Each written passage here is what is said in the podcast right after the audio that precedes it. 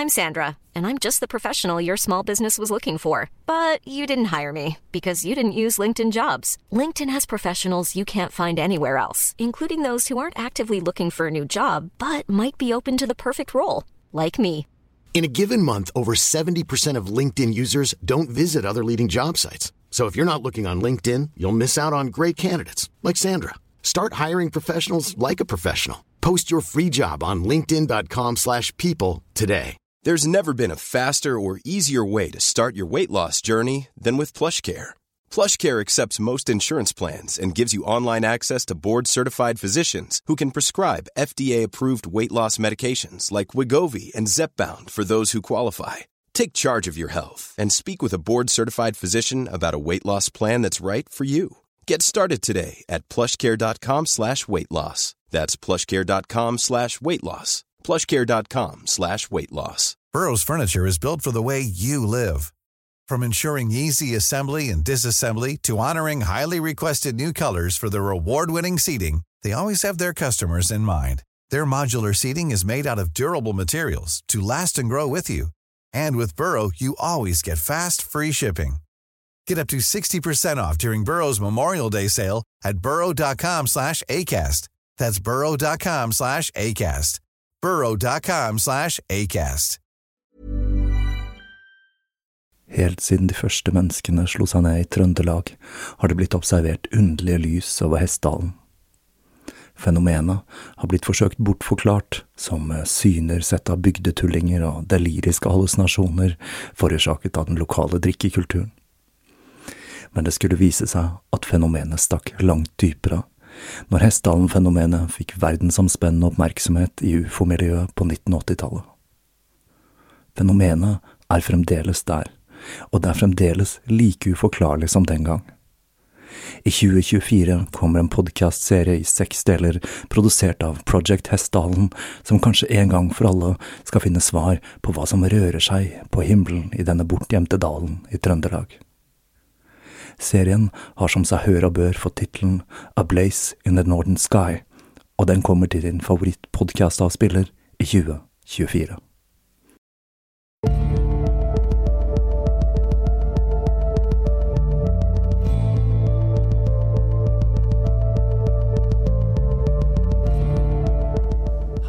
velkommen til Tåkeprat. Jeg heter Even, og vi er nå kommet til episode 21 denne søndagen 23. april.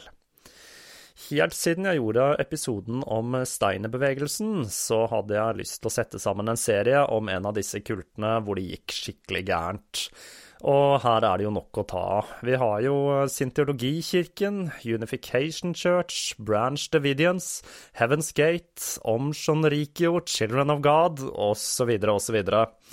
Men jeg bestemte meg for å ta for meg alle kulters mor, eller jeg burde kanskje si far, nemlig People's Temple og dets karismatiske åndelige leder, Jim Jones. Jeg valgte denne bevegelsen av to grunner. For det første så ender denne historien med et av de mest urovekkende kollektive selvmordene i moderne historie, og for det andre så finnes det svært mye litteratur om People's Temple. For dette er en veldig godt dokumentert historie, og jeg oppdaget raskt at jeg hadde bitt meg ut på en fortelling som har så mange sider og så mange enkeltskjebner at det er vanskelig å navigere seg gjennom historien uten å utelate vesentlige deler av fortellingen. Jim Jones og People's Temple er så gjennomstudert at det finnes historikere som spesialiserer seg kun på dette emnet. Men jeg skal gjøre, gjøre et forsøk allikevel. Um, I denne serien så har jeg i all hovedsak valgt å støtte meg på tre bøker. Den første jeg leste for å få litt følelse med hva som skjedde fram mot den fatale dagen i 1978, var Deborah Laytons memoar 'Seductive Poison' fra 1999. Historien om Deborah, som var en opprørsk tenåring, og som havnet høyt oppe i hierarkiet i People's Temple, og som klarte å rømme før vennene hennes og hennes mor døde i Jonestown, det er en skikkelig gripende og grusom fortelling, og jeg la hele prosjektet på is en stund etter jeg hadde lest denne. Før jeg da igjen kastet meg inn i historien om Jones i boka Raven av Tim Reitermann fra 1982. Tim han er en journalist som selv var involvert i å skrive om People's Temple, og han ble skutt i en konfrontasjon med Jones sine lakeier i 1978. Og den siste boka jeg bruker, det er en bok som eh, ikke er publisert ennå. I hvert fall ikke hardcover-utgaven. Den kommer ut nå rundt eh, i disse dager. Men jeg fikk da tak i lydboka, og dette er da The Road to Jonestown av Jeff Gwynn. Den dekker livet til Jones på samme måte som eh, i Raven, men den har naturlig nok en litt annen distanse til, til disse hendelsene. Jeg kommer på langt nær til å dekke historien like inngående som i noen av disse bøkene, men jeg skal forsøke å komme til bunns i hva som drev People's Temple, og hva som førte til at Johns disipler valgte å følge ham i døden. Jeg biter meg også merke i at rase er et tema som dukker opp igjen og igjen her i Tåkeprat, og rase er en del av selve kjernen i denne historien. Og Det slår meg at dette temaet er uløselig knyttet til amerikansk historie, og denne historien den begynner i et USA som fremdeles praktiserte segregasjon, og hvor Ku Klux Klan fremdeles hadde en betydelig politisk og sosial innflytelse. Det er også en rekke religiøse samfunn som dukker opp i denne historien, og jeg forsøker å gjøre mitt beste til å finne de norske utgavene av disse, men ikke alle disse bevegelsene har sine motstykker i Norge, og det kan også tenkes jeg bommer på noen. Og når det gjelder kulter, så er jeg overbevist om at alle kan bli lokket inn i en kult om man befinner seg i en livssituasjon der en bevegelse eller en person ser ut til å ha funnet de svarene man søker. Og det er ofte lett å glemme at alle kulter de virker koselige og joviale, i hvert fall i begynnelsen. Og med det så begynner jeg på det mest ambisiøse prosjektet så langt her i Tåkeprat, fortellingen om Jim Jones og People's Temple.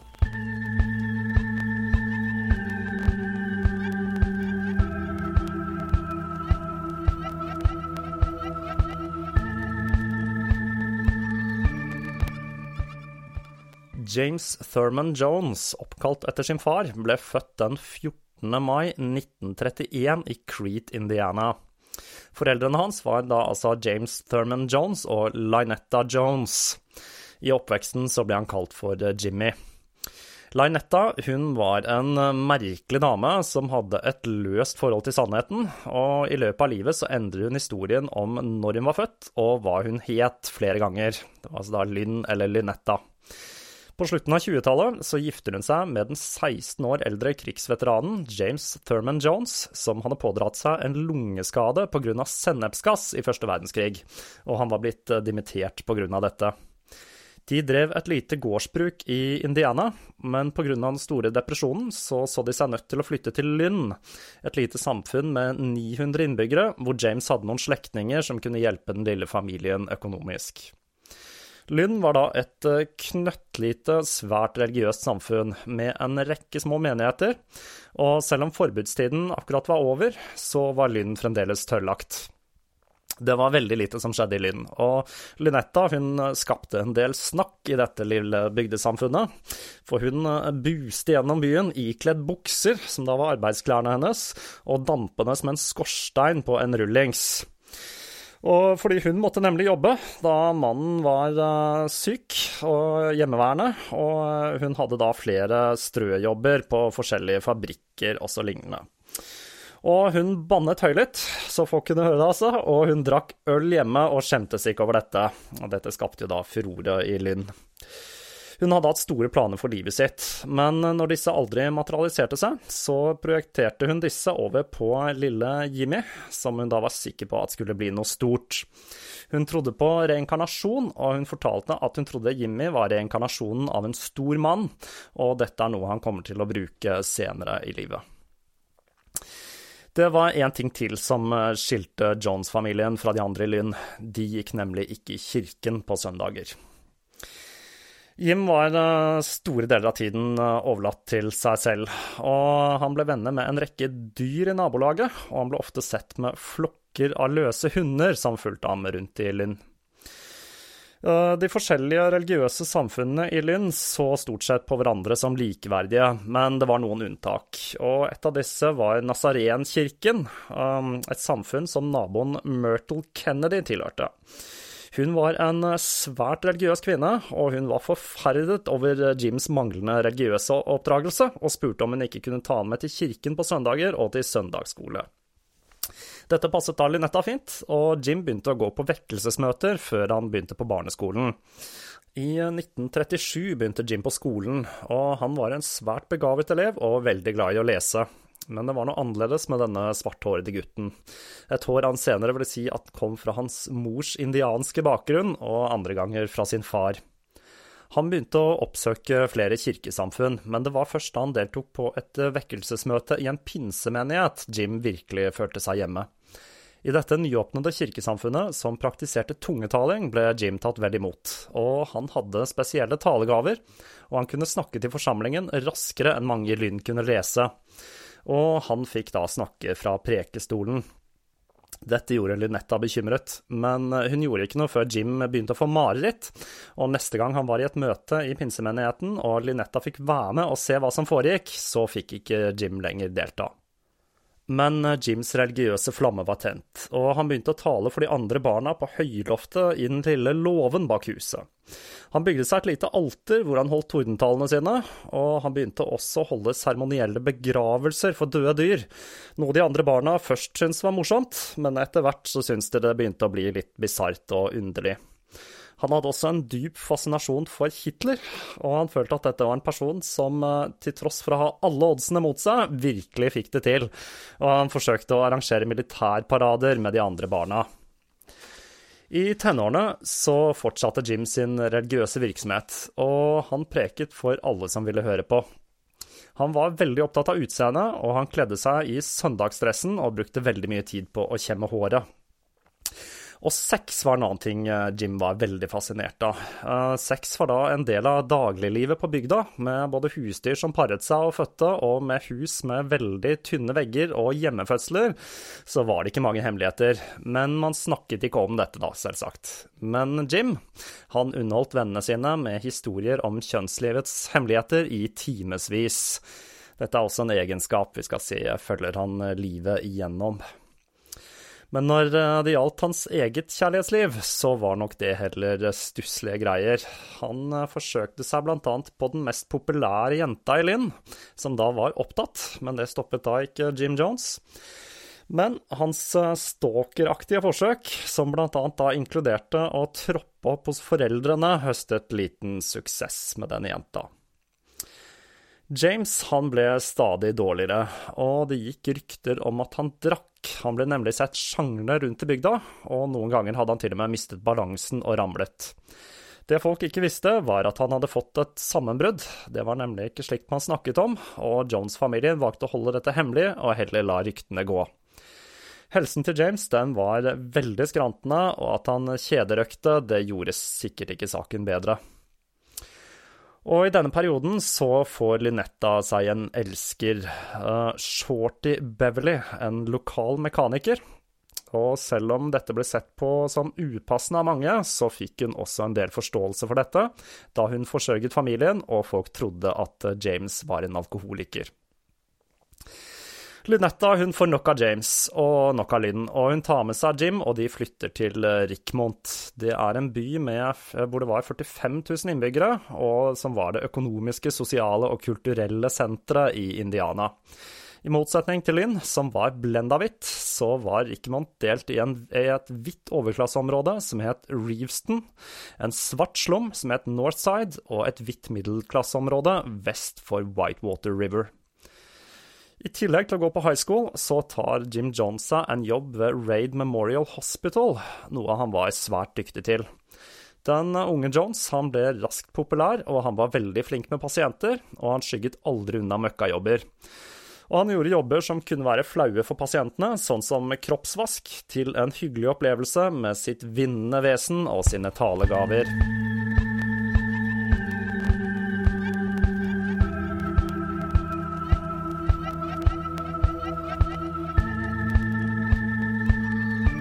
Og det er ved sykehuset Jones møter Marceline. Hun var datteren av republikaneren Walter Baldwin og en av tre søstre. Familien de var metodister og svært religiøse. Marcelin blir beskrevet som en forsiktig, varm pike som fikk andre til å føle seg vel. Hun var pen, men når jevnaldrende begynte å interessere seg for gutter, så konsentrerte Marcelin seg om å ta seg av familien og studiene sine. Hun fikk eh, gode nok karakterer til å komme inn på universitetet, men for å ikke være en økonomisk belastning for familien, så bestemmer hun seg for å begynne på sykepleierskolen ved Raid Memorial. Og det første stipendet hun mottok, det brukte hun på å kjøpe klær til en farløs familie på åtte, og en kåpe til sin mor. Så det kom litt overraskende på venninnen og romkameraten Evelyn Adler da Marceline forteller at hun hadde truffet en mann. En ung ansatt ved sykehuset som hadde hjulpet henne med å gjøre i stand liket til en gravid kvinne som hadde dødd av trikonose. Hun hadde blitt rørt av hvor omsorgsfull han var, og at han hadde blitt igjen for å snakke med de pårørende. Og gjennom jobben så blir de bedre kjent, og de blir til slutt et par. Jim han var annerledes enn andre menn Marcelin hadde møtt tidligere. Han brydde seg virkelig om andre, og han var ydmyk og hadde en dyp forståelse for sosiale problemer og verdenspolitikk. Han hadde fortalt at han hadde vært stjernen på basketballaget på skolen, men han sluttet fordi treneren hadde brukt rasistiske uttrykk om motstanderne, noe som da selvsagt var ren blank løgn. Jim Jones var aldri interessert i, i idrett. Og ikke minst så var han selvsikker og målbevisst. Marcelin var sikker på at Jim skulle bli noe stort, og han gjorde også et godt inntrykk på Evelyn. Og han stoppet alltid for å snakke med henne da de møttes i korridorene, og han tok det ikke ille opp om hun ble med når han og Marcelin dro for å ta en kaffe eller for å se en film. Jim var tross alt eh, godt likt av alle. Høsten 1948 så begynner forholdet å bli mer seriøst, og Marcelin betror seg til Evelyn. Hun var gal etter Jim men alderen hans var et problem. Evelyn hun blir sjokkert da hun får vite at Jim var fire år yngre enn Marceline, og at han akkurat hadde begynt på siste år på high school. Han oppførte seg og så langt mer voksen ut. Marceline hadde introdusert Jim for foreldrene i mars, og selv om de var bekymret for denne mørkhårede unggutten som forførte datteren deres med konfekt, blomster og hyppige telefoner, så stolte de på Marceline. Dessuten så likte de denne gutten, som raskt ble en del av familien, og da han fortalte at han var en aktiv kirkegjenger, så ble de lettet. Han viste en spesiell hengivenhet overfor bestemoren Lamb, og var som en storebror for lillesøster Sharon når hun var sengeliggende med revmatisk feber, og julen 1948 feiret Jim Jones med Baldwin-familien. Jones hadde bestemt seg for å slutte på Rickmond High i midten av semesteret for å begynne på Indiana University og flytte fra Lynetta og hjembyen til Marceline. Og i januar så ankommer han Bloomington og Indiana University. Han ble sett på som en raring, denne unggutten, som hadde et bilde av en tilsynelatende voksen kvinne han sa han var forlovet med, og som var langt mer opptatt av å lese i Bibelen enn å studere. Romkameraten Ken Simmons, som da tilhørte Disciples of Christ, det er en protestantisk denominasjon og en paraplyorganisasjon for en rekke kirkesamfunn. Han eh, kunne sin bibel, og han forsøkte å diskutere religion med Jones, men han fant da raskt ut at bibelkunnskapen hans var svært mangelfull og full av hull. Og her kommer Jones med en av disse sexskrytehistoriene sine igjen. Han forteller da de andre elevene at han og Marceline hadde hatt et oppdrag ved et mentalsykehus, og at han der hadde blitt antastet og nesten voldtatt av en kvinnelig pasient. En natt så våkner Ken, romkameraten hans altså, som da sover i køyesenga over Jones, av at han har en stikkende følelse i ryggen. Han kikker ned og ser at John stikker i madrassen med en hattenål. Hva er galt med deg, skrek han. Jim smilte ikke, det virket ikke som en spøk, og Ken løp til skolens rådgiver for å klage. Søndag den 12. juni 1949 gifter Jim og Marceline seg, og de flytter til sitt første hjem i Bloomington. Marceline fortsatte å jobbe ved sykehuset, mens hun hjalp til med å finansiere skolegangen til Jim. Hun var sikker på at han kom til å bli noe stort, som en avdelingsleder ved et sykehus eller advokat. Men eh, Jims lunefulle personlighet den kom raskt i overflaten i det nye ekteskapet. Han var brennende opptatt av urettferdigheten i verden, og om hvordan minoriteter ble undertrykket og utnyttet av systemet. Og han anerkjenner at han tror at det ikke kan finnes noen gud i en verden som er så urettferdig. Marceline hun blir forferdet av dette, og dette skaper en friksjon mellom de to. Og en dag da Marcelin sitter på kne og ber, sier han at han vil ta livet av seg ved å kaste seg ut av vinduet om hun ikke slutter å be.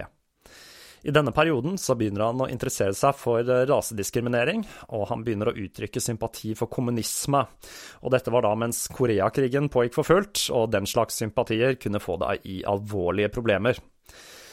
En gang svigerforeldrene var på besøk, så får de ikke start på bilen når de skal dra, og når en mekaniker blir tilkalt og ser på den, så sier han at han er sikker på at den er sabotert med vilje. Og det skulle bli flere av disse små, merkelige uhellene med biler i årene som kom. Men alle disse små tegnene på at ting ikke var helt som det skulle, feide Marcelin vekk med at det hele nok skyldtes at Jim var ung, og hun elsket tross alt denne mørkhårede gutten med de store talegavene. Og det var én ting hun ønsket seg mer enn noe annet, og det var barn. I 1950 blir de kontaktet av broren til sønnen til en av Marcelins fettere, den ti år gamle Ronny Baldwin. Han var blitt plassert i et fosterhjem da faren nylig var død, og moren hadde problemer med å forsørge gutten. Han hadde store magesmerter, og Jim og Marcelin kjører og henter gutten og kjører ham på sykehus fordi de mistenkte blindtarmbetennelse. Og dette stemte, og de reddet mest sannsynlig livet hans. Jim og Marcelin tar Ronny til seg for å begynne å praktisere den nestekjærligheten de hadde snakket så varmt om, og sommeren 1951 så flytter de tre til Indianapolis i noe som skulle bli en kaotisk tilværelse med mange forskjellige jobber og bosteder. De blir kastet ut av den første leiligheten fordi de hadde for mange kjæledyr. Jim hadde til og med gått til anskaffelse av en sjimpanse som på mystisk vis døde av strykninforgiftning kort tid etter de hadde fått den, og Jim skylder da på naboen for dette. Så han erstatter sjimpansen med en apekatt, og de flytter til et hus på nordsiden av byen. Jim han jobbet altså da forskjellige jobber, men han ville også at Marceline skulle ha en fulltidsjobb.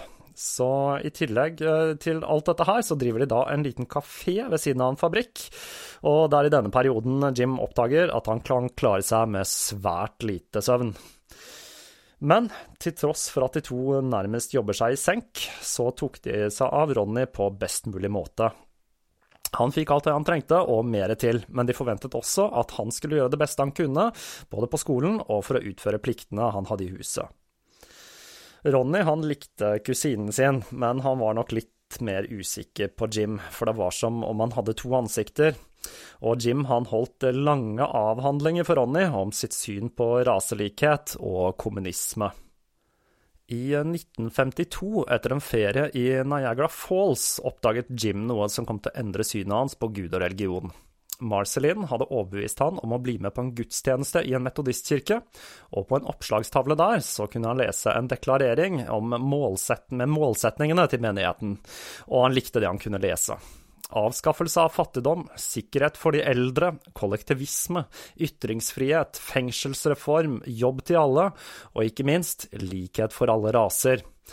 Og med dette så bestemmer John seg for å bli en pastor. Han visste at det var dette med kollektivisme som var den rette veien, men siden det amerikanske samfunnet hadde et litt uh, negativt syn på kommunisme, så var kanskje religion et bedre verktøy for å oppnå dette målet, selv om han nok innerst inne så på seg selv som en ateist. Og som vanlig så kaster Jim seg over den nye oppgaven med en eneste gang, og i juni 1952 så begynner han å studere til pastorembedet ved Somerset Methodist Church, mens han fortsetter både med skole og diverse jobber. Og familien de flytter en gang til, eh, nå til et lite hus like ved kirken. I sine første prekener så taler Jim om raselikhet og sosiale forskjeller og levende kristendom. Han begynner også å frekventere svarte menigheter, og han tar med seg Ronny på disse besøkene. Og det var svært uvanlig at hvite deltok i disse gudstjenestene, men Jim med sitt vinnende vesen han ble godt kjent med mange i de forskjellige menighetene, og han inviterte flere hjem til middag. Disse gudstjenestene i afroamerikanske Many of us have those stubborn pounds that seem impossible to lose, no matter how good we eat or how hard we work out. My solution is PlushCare. PlushCare is a leading telehealth provider with doctors who are there for you day and night to partner with you in your weight loss journey. They can prescribe FDA-approved weight loss medications like Wagovi and Zepbound for those who qualify. Plus, they accept most insurance plans. To get started, visit plushcare.com slash weight loss. That's plushcare.com slash weight loss.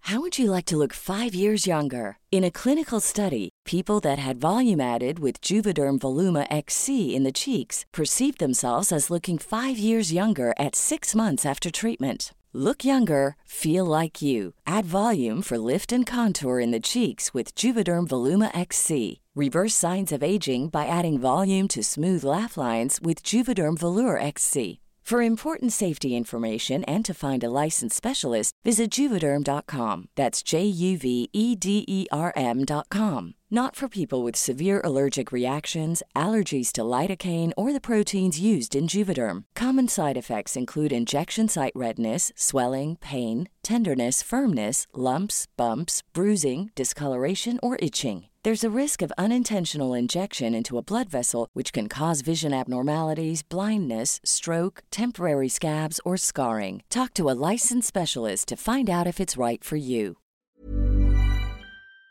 Amerikanske kirkene, det er da noe ganske friske greier. I motsetning i hvert fall til hvordan jeg forestiller meg metodist-gudstjenestene var. Jim og Marceline de diskuterer da muligheten for å adoptere Ronny, og de forteller gutten at moren hans ikke var glad i han for å overbevise han om å bli hos dem.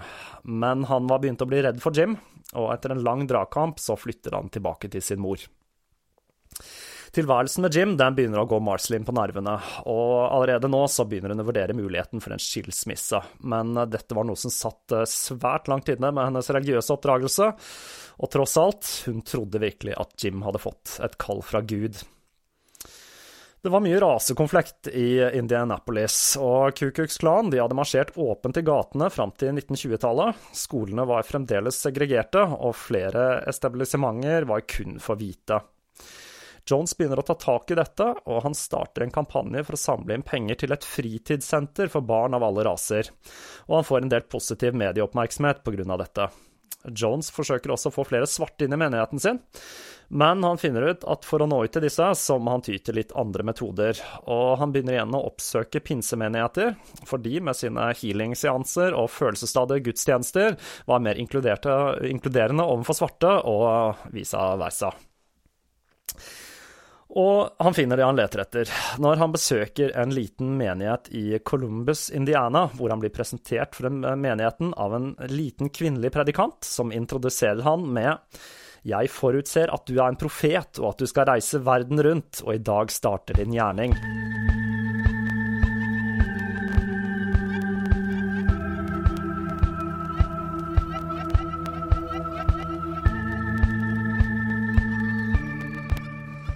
Jim går opp på prekestolen, og han begynner å gjøre det han gjorde best. Han snakket og snakket, og folk strømmet mot han.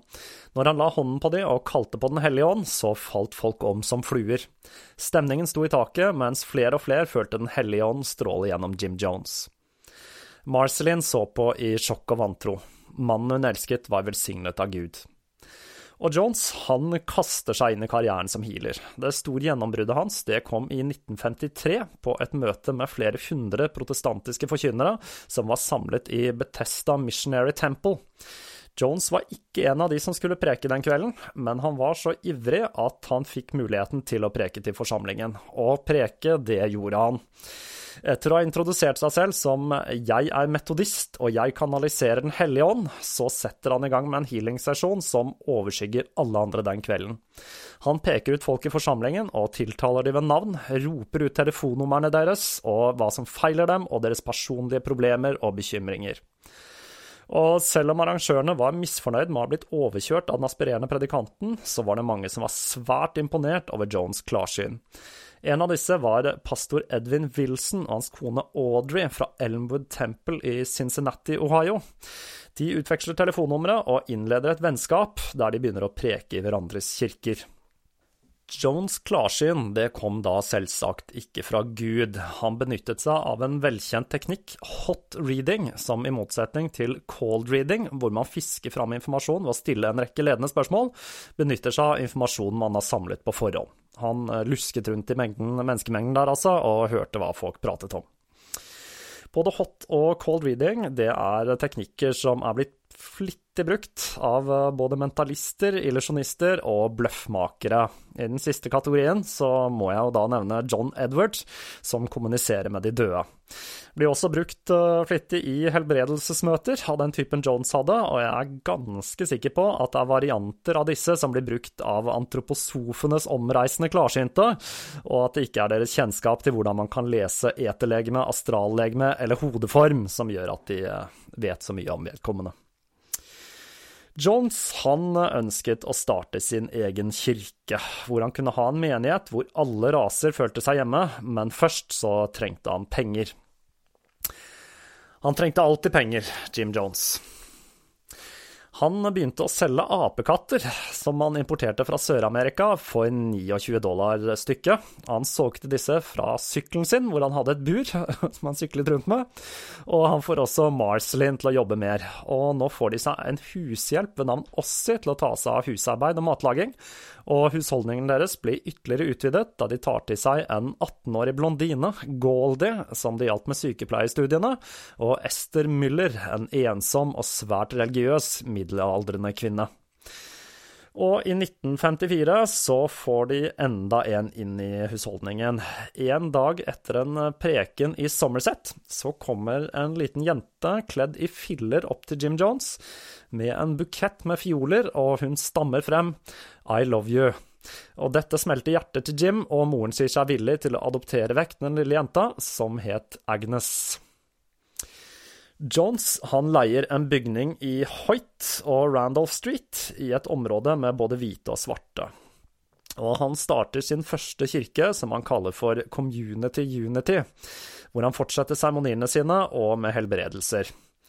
Han fortsetter med disse hot reading-teknikkene, håndspåleggelser, og ryktet om denne mannen, som var velsignet av Den hellige ånd, begynner å spre seg, og menigheten vokser seg så stor at den lille bygningen ikke lenger hadde plass til alle de besøkende. Han begynner også å legge til noen nye triks i repertoaret sitt. Han begynner å operere ut eh, kreftsvulster. Dette er også en ganske velkjent teknikk, der helbrederen bruker sine tilsynelatende overnaturlige evner, som da altså krever ganske mye fingerferdighet, til å fjerne kreftsvulster. Og som svulster så bruker Jones eh, kyllinginnvoller, som han da hadde latt råtne litt på forhånd, sånn at de skulle være ekstra frastøtende. Geskjeften den var svært innbringende, og i 1956 så utvider han og kjøper seg et bedre menighetshus i North New Jersey.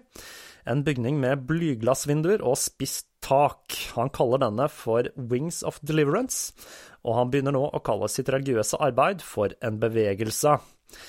En bevegelse han ikke lenge etterpå skulle gi navnet People's Temple, og People's Temple det blir skrevet uten apostrof foran S-en for å markere en avstand til privat eierskap. Jones begynner å få noen skikkelig dedikerte tilhengere som bruker all fritiden sin på arbeidet i menigheten hans, og en av de viktigste av disse var kanskje Jack Beam, en farmasøyt som var ekstremt lojal mot Jim Jones. Jones forsto raskt at eh, hans valuta, det var mennesker, og han begynner å rekruttere fra alle tenkelige og utenkelige steder. Han deltar til og med på en spiritistkonvensjon, hvor han imponerer så stort at han blir erklært som en ekte klarsynt. Og han arrangerer en stor samling for kristne i eh, denne kirken sin. Og blant de 11 000 som møter opp den første dagen, så var ca. en femtedel svarte, noe som var ekstraordinært for en menighet som var ledet av en hvit pastor. Det var i løpet av denne samlingen han møtte en person som er svært sentral i fortellingen om Jim Jones, nemlig Archie A. James. A. James han var kommet for å høre en annen pastor som preket på denne samlingen, William Branham. Men Jones han så potensialet i denne mannen, som var svært religiøs, men hadde begynt å tvile på om religionen kunne løse raseproblemene han så rundt seg. Og dette passet jo Jim Jones perfekt. Ikke bare hadde de samme visjon, men Jim trengte en svart mann ved sin side for å overbevise de svarte om sin oppriktighet og Jones han utpeker A. James til pastor i People's Temple, og døtrene hans begynner i kirkekoret. Og I 1957 så blir enda en familie uløselig knyttet til eh, Jim Jones. Under en gudstjeneste så får Jones øye på en gutt som ble gråtende dratt inn av sin mor i menneskemengden. Moren var eh, Christine Cobb, og den unge gutten het Jim Cobb. Jones banet seg gjennom menneskemengden og legger hånden på hodet hans. Du har problemer med øret, du vil bli helbredet, og en dag skal du bli en leder, sier Jim Jones. Ville rop av amen og halleluja brøt ut i forsamlingen, og Kristin var lamslått. Hvordan visste han om Jims øreproblemer? Jones hadde bare halvveis rett. Jim Cobb han måtte nemlig igjennom en øreoperasjon fem år senere, men han skulle bli en leder. Han skulle nemlig bli en leder i People's Temple. People's Temple var mer enn en vanlig kirke. De drev med veldedighetsarbeid ved å hjelpe til med å betale fyringsutgifter for fattige, og ved å dele ut mat og klær. De hjalp også vanskeligstilte med å fylle ut offentlige skjemaer og å skrive brev til det offentlige. Og Jones han ønsket at medlemmene av People's Temple skulle være så nært knyttet til organisasjonen som mulig. Han så helst at de skulle feire høytider som jul og thanksgiving i People's Temple, fremfor å tilbringe dem med sin egen familie. Og han ville at alle skulle bidra så mye de kunne til fellesskapet innad i kirken. Den første som dedikerte hele livet sitt til People's Temple, det var Archie Ayames. Og da People's Temple i 1960 åpnet sitt gratis matservering, som i motsetning til andre veldedige matutdelingsprosjekter serverte mat til alle som trengte et gratis måltid, så sier Archie opp jobben sin, og han begynner å jobbe på heltid i suppekjøkkenet, som i løpet av én måned delte ut 2800 måltider. Og i sitt nye store hus i North College omgjorde Marcelin store deler av huset til et pleiehjem med 24 senger. People's Temple og Jones' husholdning var nå én og samme sak, og Jones begynner sine første små forsøk på kollektivisme. Marcelin, som til tross for å være fornøyd med alt det veldedige arbeidet, hadde litt problemer med at hele livet dreide seg om arbeidet med People's Temple, og hun var periodevis deprimert.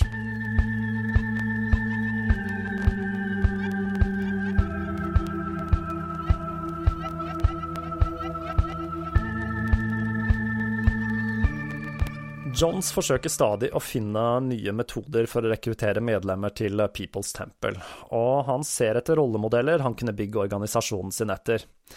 En Johns var veldig fascinert av, var en predikant som kalte seg Father Divine. Father Divine han var en predikant som styrte en kult som på mange måter var akkurat det Jones ønsket å oppnå med People's Temple. De eide flere forretninger og hoteller, og tilhengerne de levde i et kollektiv der de bl.a. sto for produksjon av egen mat. Og Fader Divine han var ikke bare en predikant, men han hevdet faktisk at han var Gud.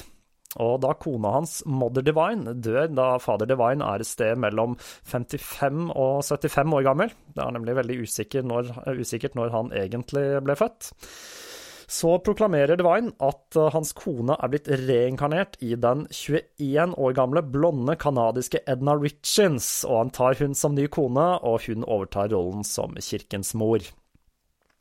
Divine han preket avholdenhet fra alkohol, tobakk og sex, men det gikk noen rykter om at det var noen orgier i hans enorme landsted i Woodmount.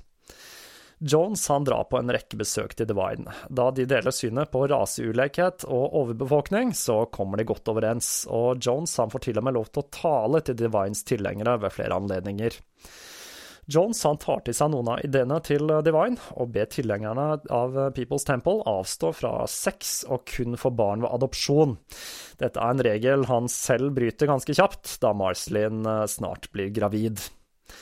Men Jones han hadde selvsagt en plan med dette vennskapet med Father Divine. Father Divine han var gammel og ville snart ikke lenger være i stand til å lede menigheten sin. Og Jones begynner i denne perioden å gjøre noe dristig i prekenene sine. Han begynner å peke ut feil i Bibelen, og han begynner å inkludere Marx og kommunistisk tankegods. Dette er noe som får flere i menigheten til å reagere. Jones og Marcelin bestemmer seg for å adoptere for å følge Jims egne anbefalinger, og de adopterer to barn fra et koransk barnehjem i 1958, Stephanie og Lou Eric. Men like etter adopsjonen så blir familien rammet av en tragedie, og den 11. mai 1959, etter Jones har holdt en preken i pastor Wilsons Elmwood Temple og Marcelin var hjemme da hun var blitt gravid, så dør Stephanie i en møteulykke på vei hjem fra gudstjenesten. Det er blitt spekulert i om denne ulykken skyldtes at Jones hadde tuklet med bilen Stephanie satt i. Uh, han hadde jo en historikk med å sabotere biler fra før, og dette er noe han kommer til å drive med i årene som kommer. Man kan jo stille seg spørsmålet om det var bevisst at det var bilen Stephanie satt i, eller om det var tilfeldig. Um, som vi skal lære å kjenne Jim Jones etter hvert, så kan jo dette ha vært noe han gjorde for å få sympati og oppmerksomhet. Mens dette skjer, så kommer en historie som Marceline skal bruke i People's Temple i årene som kommer.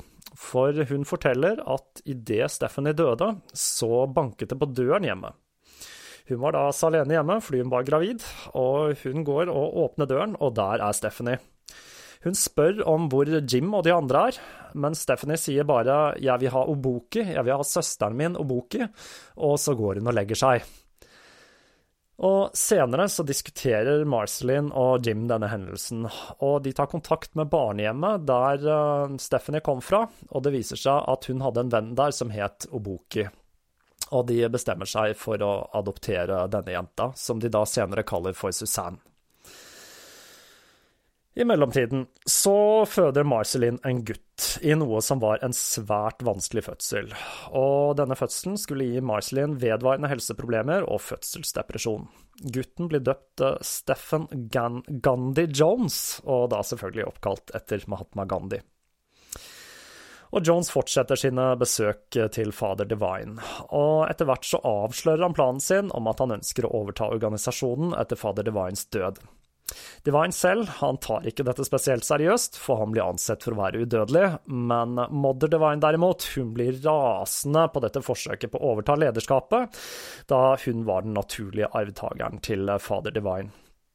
Og Jones han forsøker også å alliere seg med en rekke andre organisasjoner blant annet The Black Muslims, eh, som var en svært hissig, radikal, militant eh, gruppe, og de avviser Jones kontant, i og med at han er hvit.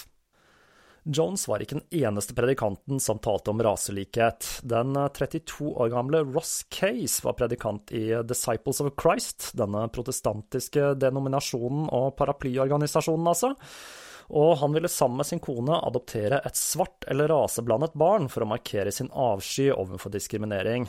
Og når de hører om People's Temple, så drar de for å se hva denne gruppen drev med. Og hans første møte med Jim Jones og assistentene hans, det var i august 1959, da han deltar på en hagefest arrangert av People's Temple.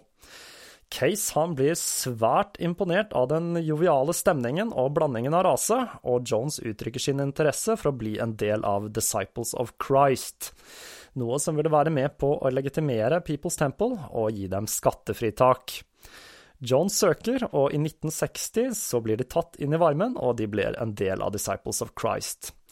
Case han slutter seg selv til People's Temple i 1961 eh, og Jones sitt arbeid skulle få ytterligere legitimitet, for i februar 1961 så får han jobben som Human Rights Commission Director i bystyret i Indianapolis. Og dette er en stilling han utnytter til å få mest mulig omtale i pressen, hvor han da som regel figurerte med et bilde av regnbuefamilien sin, og med slagordet 'De svarte ønsker å være våre brødre i privilegier, ikke våre svigerbrødre', for å roe ned bekymrede hvite velgere. I denne perioden så begynner People's Temple å aksjonere mot diskriminering, og da spesielt på spisesteder som nektet svarte.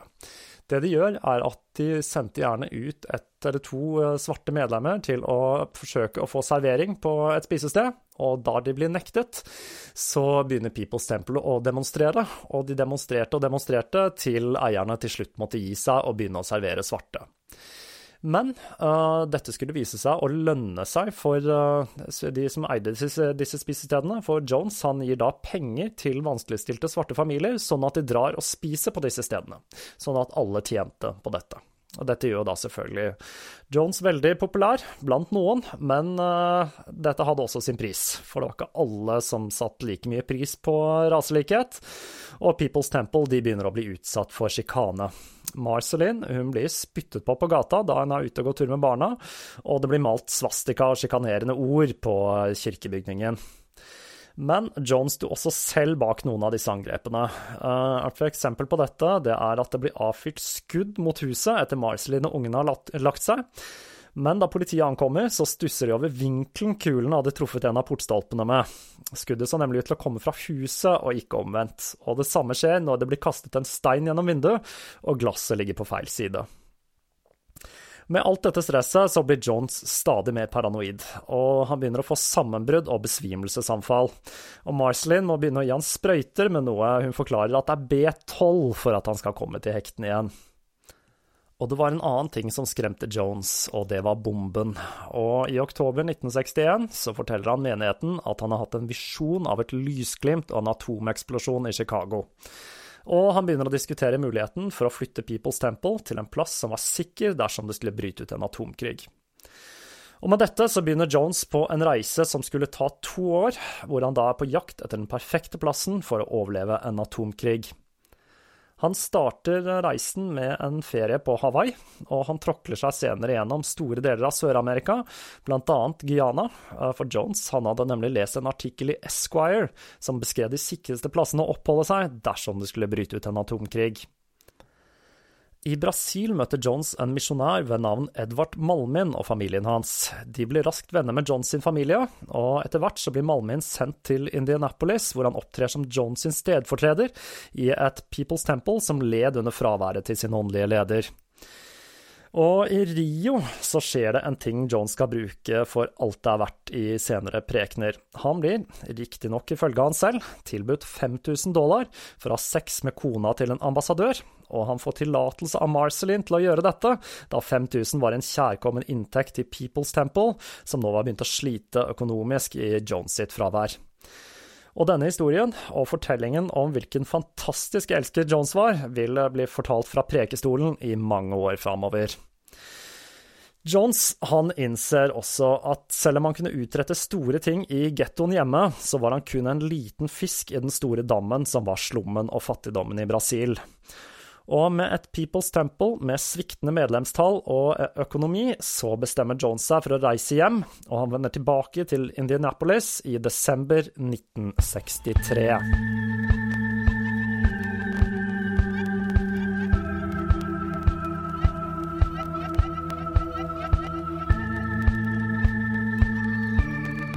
Som vi ser, så er dette allerede en svært kompleks historie. Jim Jones han har helt klart psykopatiske trekk, og han blir drevet av makten han får ved å kontrollere andre. Samtidig så er det vanskelig å overse de positive sidene ved People's Temple og det sosiale arbeidet og raseintegrering. Det er også sannsynlig at Jones hadde et genuint ønske om å utrette en forskjell, og at dette er en annen ting som også driver Jones. Når vi forlater Jones i 1963, så er People's Temple fremdeles et kirkesamfunn og en veldedig organisasjon.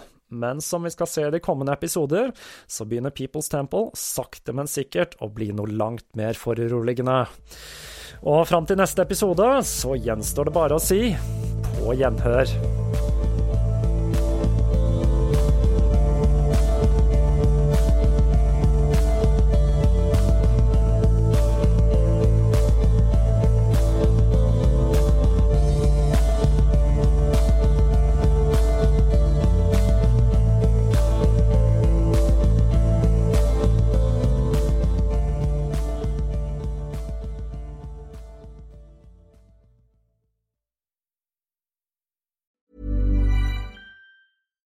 When we're on a budget, we still deserve nice things. Quince is a place to scoop up stunning high-end goods for 50 to 80% less than similar brands. They have buttery soft cashmere sweaters starting at $50, luxurious Italian leather bags, and so much more. Plus, Quince only works with factories that use safe, ethical, and responsible manufacturing. Get the high-end goods you'll love without the high price tag with Quince. Go to quince.com/style for free shipping and 365-day returns.